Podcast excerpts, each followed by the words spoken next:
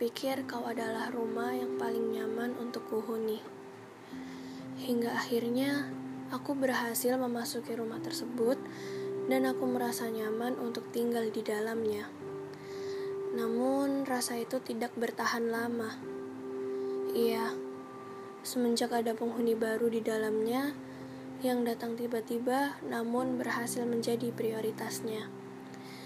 Di sini aku telah salah mengira yang awalnya kupikir dia pantas untuk kejadikan rumah tinggal, nyatanya dia hanya ingin untuk aku singgah. Kupikir yang awalnya bikin nyaman, ternyata berakhir menyakitkan.